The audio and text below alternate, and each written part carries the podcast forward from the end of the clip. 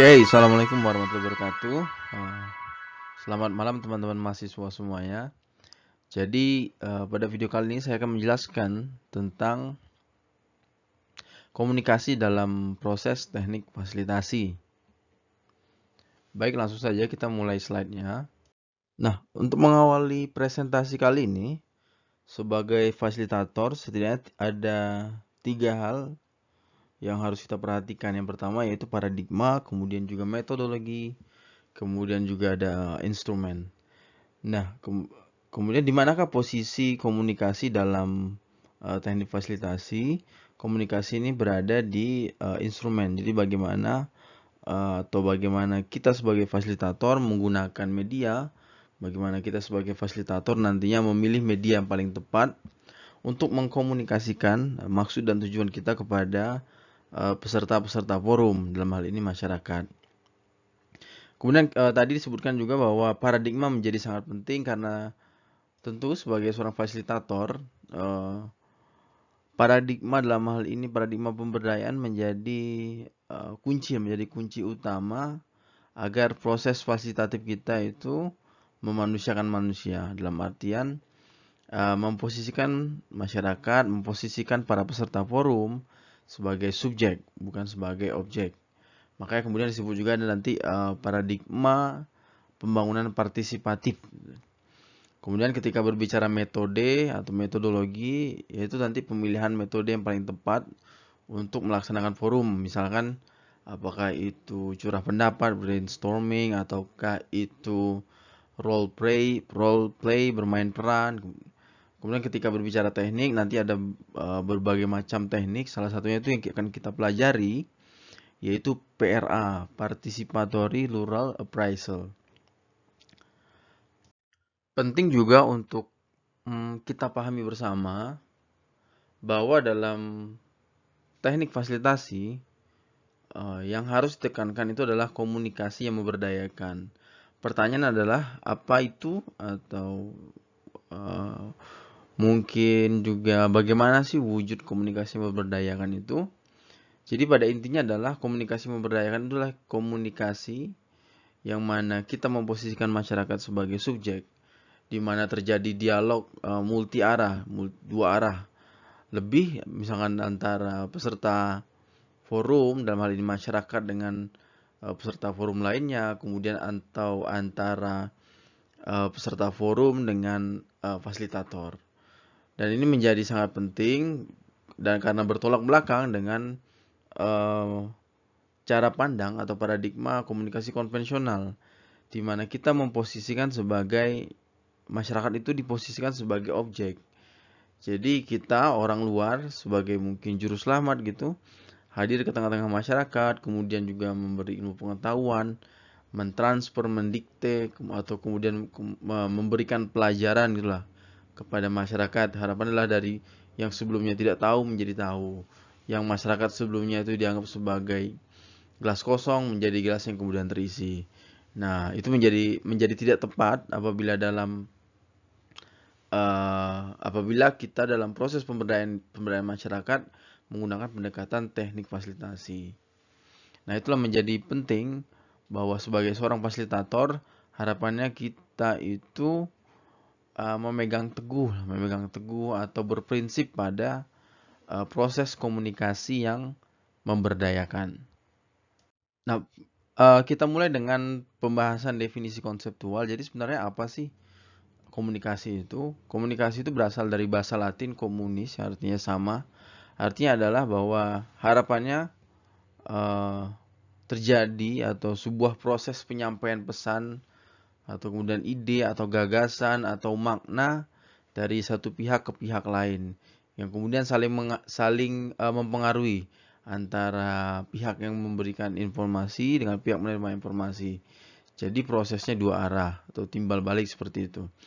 Nah, kemudian bahwa juga di beberapa istilah berkaitan dengan komunikasi di antaranya itu ada komuniko, kemudian juga ada communication atau communicare artinya membuat sama. Harapan adalah uh, makna atau persepsi atau informasi yang sebelumnya mungkin diketahui hanya satu orang atau segelintir orang, kemudian diketahui oleh banyak orang atau diketahui oleh kelompok-kelompok lainnya, dan itu dilakukan melalui proses komunikasi, proses penyampaian informasi.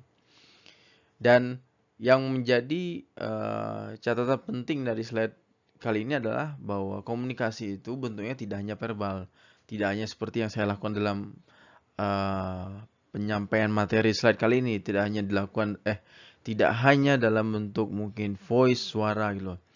Tapi komunikasi juga diwujudkan dalam bentuk-bentuk nonverbal. Misalnya kayak misalkan misalnya ada eh, bahasa isyarat, kemudian juga ada komunikasi nonverbal itu misalnya kalau di eh, tempat-tempat uh, fasilitas umum ketika kita melihat ada uh, simbol larangan uh, huruf P dikasih garis miring, artinya di situ ada uh, penyampaian informasi bahwa di, kita dilarang parkir di tempat tersebut.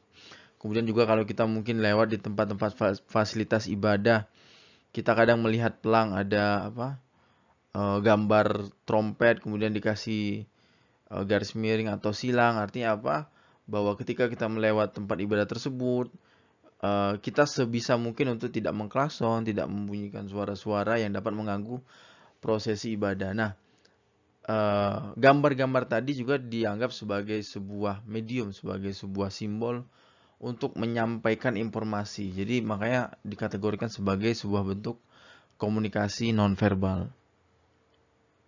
Nah, dalam uh, dalam konteks teknik fasilitasi bahwa komunikasi ini menjadi penting agar kita nantinya sebagai seorang fasilitator, baik itu di dalam sebuah forum ataupun di tengah-tengah masyarakat gitu, eh, meraih atau mendapatkan eh, perhatian atau kemudian mendapatkan eh, minat, mendapatkan kepedulian atau kemudian mendapatkan simpati dari masyarakat ataupun dari peserta forum.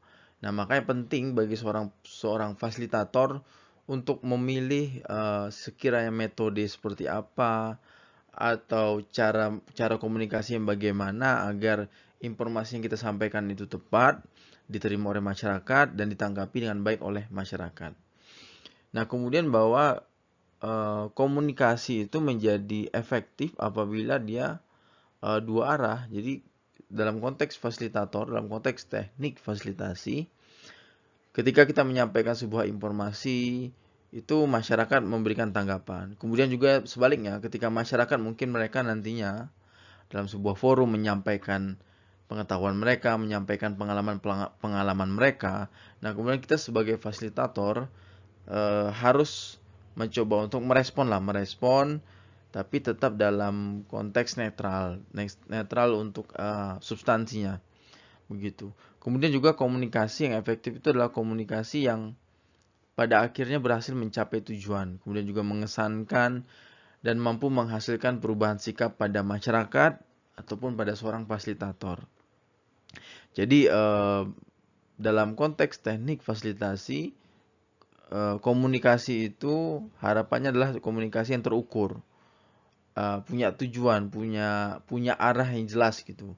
Berbeda dengan mungkin uh, komunikasi yang kita lakukan sehari-hari saat kita bertetangga atau saat kita jagongan atau saat kita nongkrong dengan teman-teman. Jadi makanya dalam dalam proses uh, fasilitasi semua komunikasi yang kita lakukan, semua informasi yang kita sampaikan itu harus punya tujuan, harus punya indikator apakah uh, proses komunikasi ini berhasil atau tidak. Nah, begitu. Kemudian uh, pada slide berikutnya kita akan membahas tentang Eh, bagaimana sebenarnya karakter daripada komunikasi yang efektif. Oke, nah ini berbicara soal uh, karakter komunikasi yang efektif. Jadi sebenarnya bagaimana sih uh, ciri-ciri atau mungkin tanda-tanda bahwa proses komunikasi yang dilakukan oleh seorang fasilitator itu dapat dikategorikan sebagai sebuah komunikasi yang efektif. Yang pertama itu komunikasi sebagai sebuah proses, artinya komunikasi merupakan serangkaian uh, tindakan atau peristiwa yang terjadi secara berurutan, serta berkaitan satu dengan yang lainnya dalam kurun waktu tertentu. Kemudian juga bersifat dinamis uh, dan akan selalu mengalami perubahan dan berlangsung terus-menerus gitu. Kemudian ketika yang kedua, komunikasi sebagai upaya yang disengaja dan mempunyai tujuan bahwa komunikasi itu dilakukan memang sesuai dengan kemauan dari pelakunya dengan tujuan menunjuk pada hasil atau mungkin uh, akibat yang yang ingin dicapai. Seperti penjelasan saya sebelumnya bahwa dalam teknik uh, fasilitasi baik itu di forum ataupun yang dilakukan di tengah-tengah masyarakat segala proses komunikasi yang kita lakukan itu punya tujuan punya indikator lah, punya impact seperti itu. Nah, kemudian ketika yang ketiga adalah uh, komunikasi efektif itu menuntut adanya partisipasi dan kerjasama dari eh, pihak-pihak uh, yang terlibat dalam hal ini fasilitator dan juga masyarakat atau fasilitator dan juga uh, peserta forum gitu. Kemudian yang keempat itu bahwa komunikasi efektif itu bersifat simbolis. Artinya menggunakan eh, simbol-simbol uh, verbal dan juga non-verbal. Makanya nanti dalam proses uh, fasilitasi sebuah forum, seorang fasilitator itu biasanya di, dibekali dengan uh, media komunikasi. Medianya itu bisa bisa dalam bentuk berbagai macam, bisa itu mungkin film atau tayangan, bisa itu kemudian selembar kertas memo yang akan digunakan bisa itu kertas plano. Jadi disesuaikan dengan uh, kebutuhan uh, proses uh, fasilitasi atau kebutuhan uh, peserta forum seperti itu.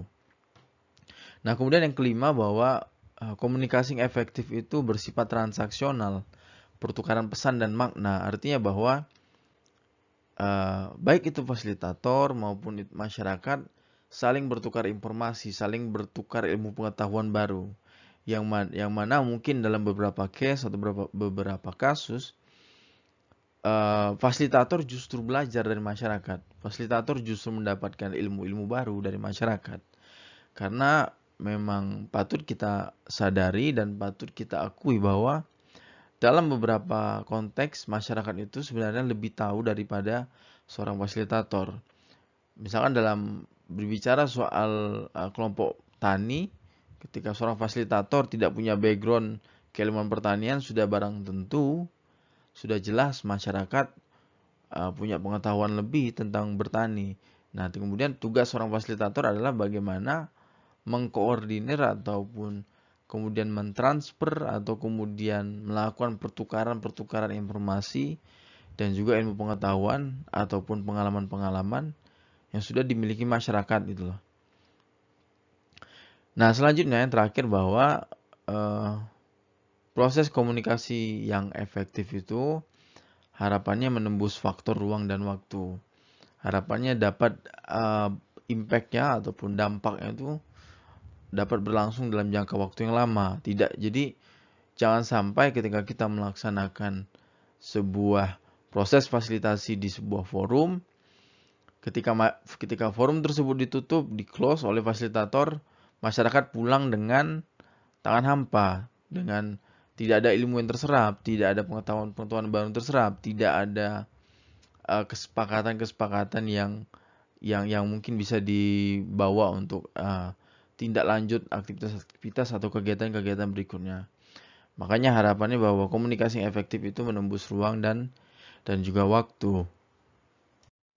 Nah, kemudian hukum atau peraturan-peraturan lah atau kemudian uh, bagaimana sebenarnya komunikasi yang efektif itu dapat dicapai atau dapat diwujudkan setidaknya ada lima hal yang harus diperhatikan seorang fasilitator. Nah, yang pertama yaitu pertama bahwa respect. Kita sebagai seorang fasilitator atau kemudian sebagai pendamping desa, harus menghargai setiap individu yang menjadi sasaran dari pesan yang disampaikan. Uh, kita tidak mungkin membedakan uh, ketika seorang kepala desa berbicara atau kemudian ketika seorang masyarakat biasa berbicara gitu loh. Nah, kita sebisa mungkin netral tetap mendengar kedua belah pihak gitu. Baik itu yang mereka yang punya power, punya kuasa maupun masyarakat biasa yang mungkin tertindas, tidak punya daya gitu. Jadi penting bagi seorang fasilitator untuk menghormati setiap ucapan, setiap pendapat, setiap suara yang disampaikan oleh peserta forum dengan tidak memandang uh, latar belakang atau kemudian pendidikan yang dimilikinya, dimiliki oleh peserta forum. Nah, kemudian yang kedua bahwa seorang fasilitator juga harus punya empati, empati bahwa kemampuan ini menjadi penting bagi seorang fasilitator agar dia mampu menempatkan diri pada situasi atau kondisi yang dihadapi oleh masyarakat desa. Jadi kita mencoba uh, memposisikan diri menjadi bagian dari masyarakat, mencoba untuk merasakan apa sih sebenarnya yang sedang dihadapi uh, oleh masyarakat, kendala-kendala apa yang sedang mereka hadapi, permasalahan apa yang sedang mereka coba cari solusinya gitu. Nah, kita uh, sebagai seorang fasilitator dalam sebuah forum harapannya punya empati lah, punya empati untuk uh, bisa memposisikan diri dan bisa merasakan sebenarnya apa yang sedang dihadapi atau di, uh, di dicoba diselesaikan oleh masyarakat. Kemudian bahwa seorang fasilitator itu harus juga melakukan proses komunikasi yang audible. Nah, audible ini diartikan sebagai uh, pesan yang disampaikan oleh fasilitator harus dapat didengar atau dimengerti dengan baik oleh masyarakat desa, oleh peserta forum, termasuk di mungkin pemilihan metode pemilihan-pemilihan uh, teknik-teknik ataupun media-media komunikasi yang digunakan seorang fasilitator. Kita tidak mungkin uh, menggunakan tayangan video atau mungkin menggunakan uh, ya memutar film, film pendek gitu Eh, saat sebuah saat memfasilitasi sebuah forum yang di mana peserta forumnya merupakan uh, tunanetra. Kita juga tidak mungkin menggunakan uh, suara atau mungkin menggunakan media-media komunikasi dalam bentuk lagu ataupun ya termasuk video juga kepada teman-teman yang uh, difabel dalam dalam hal ini terkhususnya uh, tunarungu gitu. Jadi mana mungkin mereka dapat menerap menyerap informasi yang kita sampaikan dengan keterbatasan yang mereka miliki. Nah, oleh oleh karena itu penting seorang fasilitator untuk memperhatikan uh, apakah komunikasi yang disampaikan itu audible, dapat diterima oleh uh, peserta forum. Kemudian juga ke, keempat, clarity atau kejelasan. Pesan harus jelas, tidak menimbulkan multi multi interpretasi atau penafsiran yang berlainan. Termasuk jangan sampai ketika kita memberikan atau memfasilitasi sebuah forum, apa yang kita sampaikan atau apa yang kita uh, omong omongkan gitu, apa yang kita uh, ya apa yang kita apa yang kita fasilitasi jangan sampai menimbulkan multi tafsir, jangan sampai antara kelompok masyarakat yang satu dengan masyarakat lainnya punya pemahaman yang berbeda dengan apa yang kita informasikan gitu. Nah, kemudian yang yang yang terakhir yaitu humble, rendah hati bahwa pendamping desa atau fasilitator harus membangun komunikasi dengan sikap rendah hati. Uh, menggunakan bahasa yang dimengerti oleh masyarakat desa ataupun peserta forum dalam beberapa kasus memang sangat uh, sangat diperlukan atau menjadi nilai plus apabila kita sebagai seorang fasilitator mengerti dan mampu menggunakan bah menggunakan bahasa daerah yang yang sering digunakan oleh eh, masyarakat-masyarakat uh, atau peserta forum yang kita fasilitasi. Misalnya kita dalam suatu waktu akan melakukan proses fasilitasi di uh, masyarakat Gunung Kidul. Artinya ketika kita bisa berbahasa Jawa itu kan menjadi sangat plus. Akan menjadi nilai tambah bagi kita seorang fasilitator. Atau mungkin kita kemudian melakukan proses fasilitasi di uh, Papua dan kemudian kita bisa berbahasa Papua atau setidaknya menggunakan logat-logat uh, Papua sehingga masyarakat itu menjadi welcome mereka menjadi merasa bahwa kita sebagai orang fasilitator itu tidak lagi dianggap uh, strangers, tidak lagi dianggap sebagai orang luar gitu. Jadi masyarakat sudah menerima kita dan menganggap kita itu menjadi bagian daripada masyarakat atau menjadi bagian daripada peserta forum. Nah itu, itulah uh, lima hal yang dikatakan mungkin sebagai hukum untuk mewujudkan komunikasi yang efektif atau kemudian disingkat REACH lah uh, respect, empathy, audible, clarity dan juga humble. Nah baik mungkin untuk mempercepat uh, atau mempersingkat waktu ini ada beberapa tips komunikasi yang efektif. Saya bacakan beberapa di antara yang pertama yaitu uh, berikan kesan bahwa Anda sebagai fasilitator itu antusias berbicara dengan, dengan mereka bahwa posisikan kita juga akan mendapatkan informasi atau mempelajari hal baru dari peserta forum. Tunjukkan bahwa kita itu punya ketertarikan dengan mereka. Tunjukkan bahwa kita itu sangat antusias dalam memfasilitasi forum tersebut. Kemudian juga uh, kita beradaptasi dengan bahasa tubuh dan perasaan mereka. Kita harus mampu mengcapture atau kemudian melihat ketika mungkin uh, peserta forum sudah mulai gelisah, sudah mulai bosan. Nah, pilihannya adalah mengakhiri forum tersebut atau kemudian mencari alternatif-alternatif atau metode-metode baru supaya peserta forum atau peserta daripada proses fasilitasi itu tidak tidak menjadi bosan gitu. Kemudian juga uh, menawarkan saran yang bermanfaat. Harapan adalah ketika dalam sebu dalam memfasilitasi sebuah forum kita sebagai fasilitator apabila diminta gitu ya, apabila diminta untuk memberikan saran untuk memberikan pendapat harapannya adalah kita memberikan uh, atau menyampaikan pendapat yang bermanfaat yang mungkin uh, sangat aplikatif dan bisa mereka mereka terapkan dengan begitu apabila di kemudian hari mereka mengalami permasalahan atau kemudian masyarakat mengalami kendala-kendala, mereka akan kembali lagi kepada kita. Mereka akan mencari kita karena mereka percaya dengan apa yang kita sampaikan gitu. Kemudian juga tips komunikasi yang efektif yaitu dengan menyebut nama mereka. Jadi ketika uh, forum, ketika pelaksanaan proses fasilitasi, mungkin ya mungkin agak sedikit sulit kita untuk menghafal seluruh nama peserta gitu. Tapi ada beberapa teknik di antaranya itu dengan menggunakan name tag. Nah, menyebut nama itu menjadikan atau membuat para peserta forum merasa dihormati, merasa dihargai gitu loh. Jadi kita mungkin uh, dengan menyebut nama mereka, mereka menjadi lebih luas, lebih terbuka, lebih ya lebih berani untuk mengutarakan pendapat. Kemudian ada juga mungkin uh, dengarkan uh, dengarkan dengan penuh perhatian semua yang mereka katakan. Jangan sampai kita membedakan antara perkataan itu tadi perkataan seorang kepala desa dengan masyarakat petani biasa atau nelayan biasa yang mungkin secara pendidikan mereka uh, tidak menamatkan sekolah gitu loh. Jadi uh, kita harapannya sebagai seorang fasilitator tetap mendengarkan suara mereka, tetap mendengarkan pendapat-pendapat yang mereka utarakan.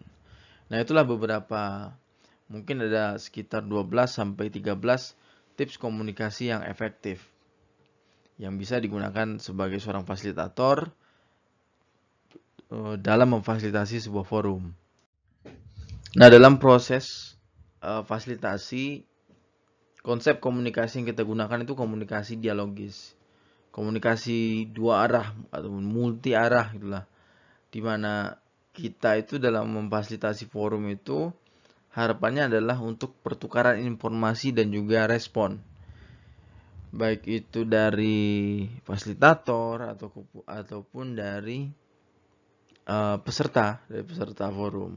Nah ini saya contohkan ada gambar gambar monyet di mana satu menggunakan telepon jadul, yang satu menggunakan teknologi terbaru loh. Artinya apa? Artinya tidak ada titik temu, tidak ada tidak match gitu antara mungkin nanti antara peserta forum uh, antara fasilitator yang menggunakan bahasa-bahasa yang sangat akademis, bahasa-bahasa yang uh, sulit dicerna oleh peserta forum di mana peserta forumnya rata-rata mungkin bapak-bapak ataupun ibu-ibu yang mereka tidak menamat, menamatkan pendidikan sekolah dasar itu loh.